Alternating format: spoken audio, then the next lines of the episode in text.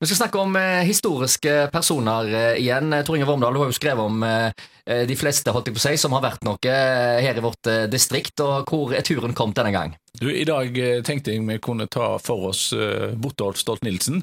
Eh, han eh, var da en av pionerene i eh, Haugesund. Han var en periode eh, ikke bare byens største reder, han var faktisk òg en av eh, Norges største redere eh, da, og hadde en stor eh, flåte. Han satt også på Stortinget en periode og var liksom en viktig person i byens eh, liv da. Eh, Han er født i Haugesund så langt tilbake som i 1863. Og Var, ja, da. Ja, han var sønn av eh, sakfører og senere byfogd og politimester Nils Nilsen. Men det var i egenskap av å være forsikringsagent at Stolt-Nilsen da kom i befatning med den gryende rederivirksomheten i Haugesund. Så i en alder av 23 år så starta han eh, da et forsikringsagentur, og så fem år senere, i 1891, så starta han karrieren sin som eh, skipsreder. da. Og eh, som alle andre skipsredere i Haugesund på den tida, da, så forsøkte han seg òg som eh, sildeeksportør, men han gjorde det langt bedre som reder enn han gjorde som sildeeksportør. Eh, du har sikkert hørt om navnet Stoltenberg på Risøy, og det Mhm. kommer av navnet Stolt-Nielsen. da, så eh, når han drev med sildesalting i 1902, da, så fikk han bygd et stort sjøhus på sørsida av Risøyna, som han uh, ga navnet Stoltenberg. Og sjøhuset er jo revet for lenge siden, og, men på den tomten står det i dag et stort kontorbygg, og vi kaller det fremdeles Stoltenberg da. Mm.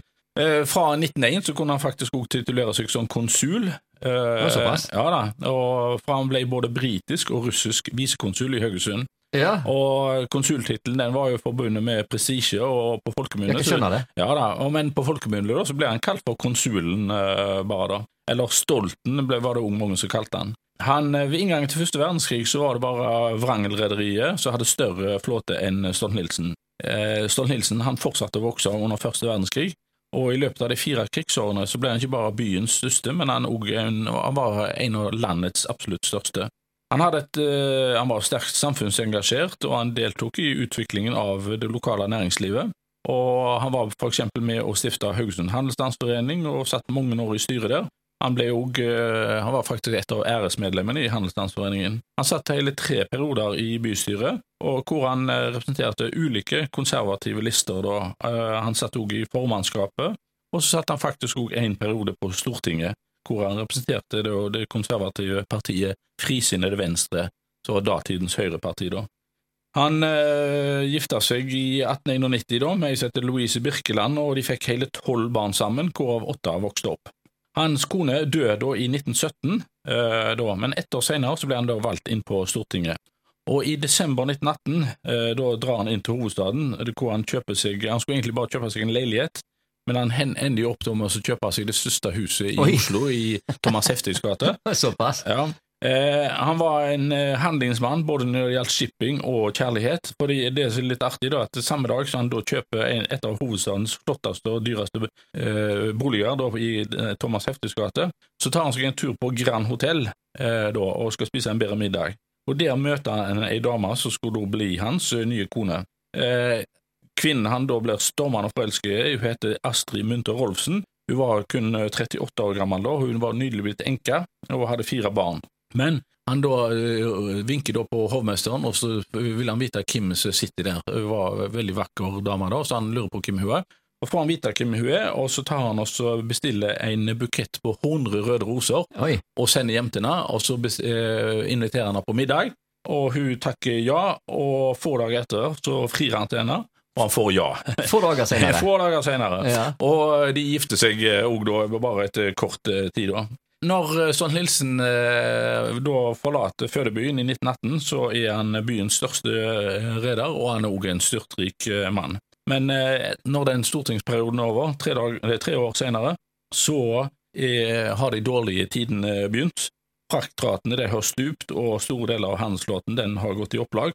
Stolt-Nielsen, under første verdenskrig så bestilte han utrolig mange eh, skip, eh, og eh, han lå for økonomiske problemer. Men istedenfor å komme hjem til Haugesund og ta fatt i problemene, så ble han værende i hovedstaden. Der levde han det gode liv, sammen med sosieteten, og hadde store selskaper. øh, og Dette sånt, ja. flotte huset sitt. I dette flotte huset sitt. Han var jo blant annet òg da, når han satt på Stortinget, så var han da invitert til middag hos kongen. Mm. Og i dagboka si så skriver han at det, det var tarvelig mat han hadde fått servert. i dette her. sammenlign- med det han hadde. Vi har jo I, i, i boka mi om Sten Nilsen da, så skriver jeg, da Han hadde jo da på menyen eh, sånn skilpaddesuppe og sånne oh, ja. eksotiske retter, og hadde champagne til, Ja. til middager. Så han, altså, han var vant med pengene, han altså. var, han var vant med å ha godt hold, da, så når han skulle spise middag hos kongen, så syntes han det var ganske kjipt. Eh, men eh, i, i alle fall, altså, han fikk økonomiske problemer, eh, da, og eh, han burde jo selvsagt ha kommet tilbake til Haugesund for å ta fatt i problemene. Det gjorde han ikke. Han satt i Oslo og skulle dirigere dette, her, og, det, og kreditorene de eh, fant dette svært eh, provoserende. Så eh, det var en av årsakene til at han da ble faktisk eh, fratatt eh, sine verdier. Et annet problem med, med eh, Stolt-Nielsen var jo det at han hadde tatt og kausjonert for veldig mange, som Mm. eh, da, og de, når da de dårlige Stålesen kom gjorde det samme. Stålesen gjorde akkurat det samme, samme feilen da. Så uh, i uh, Så når nedgangstida kom, så rakna det. ja, da rakna det. I september 1923 da, så bestemte kreditorene at han skulle tre ut av sånn disponent i alle av sine 14 eh, skipsaksjeselskaper. Og ett år senere så ble hele eh, flåten til Stolt-Nielsen eh, tvangssolgt. Nesten hele. Han fikk beholde noe, men det, var lite han da fikk eh, beholde. Han fikk beholde et selskap som heter Facto, som eide tre gamle båter. da. Og han, to av sønnene hans satt og disponerte dette her da.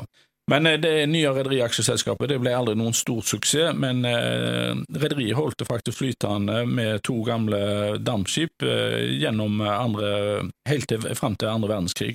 Men Måtte han selge huset sitt i Oslo, da? Nei da, det, det Nei. måtte han ikke, så det satt han, han klarte å sitte med, med det. da.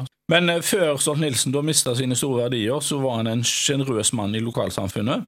Eh, I et dokument som han skrev da, så forteller han at han har delt ut i alt 12 millioner kroner. Men det, det, var nok, det er nok litt feil, det beløpet der, men i alle fall en kan trekke fra noe. Men eh, han var en sjenerøs mann og delte ut milliongaver til gode formål eh, da.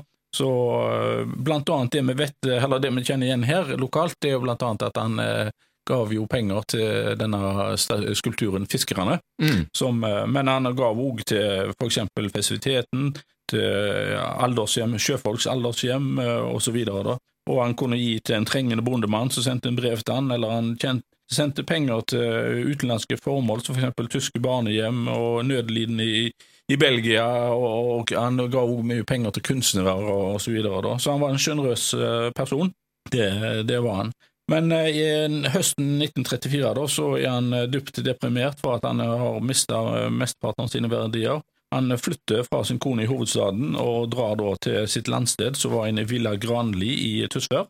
Her levde han da i to år, og litt artig, for jeg har jo lest dagbøkene hans og sånt, og mens han tidligere fortalte om korrespondansen med store skip og sånt, så der inne så fikk han seg eh, høns.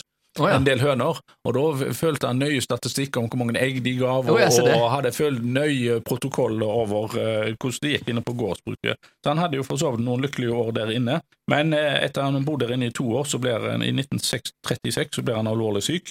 Han fikk store smerter i venstre fot, og det slår seg faktisk ut til en eh, koldbrann.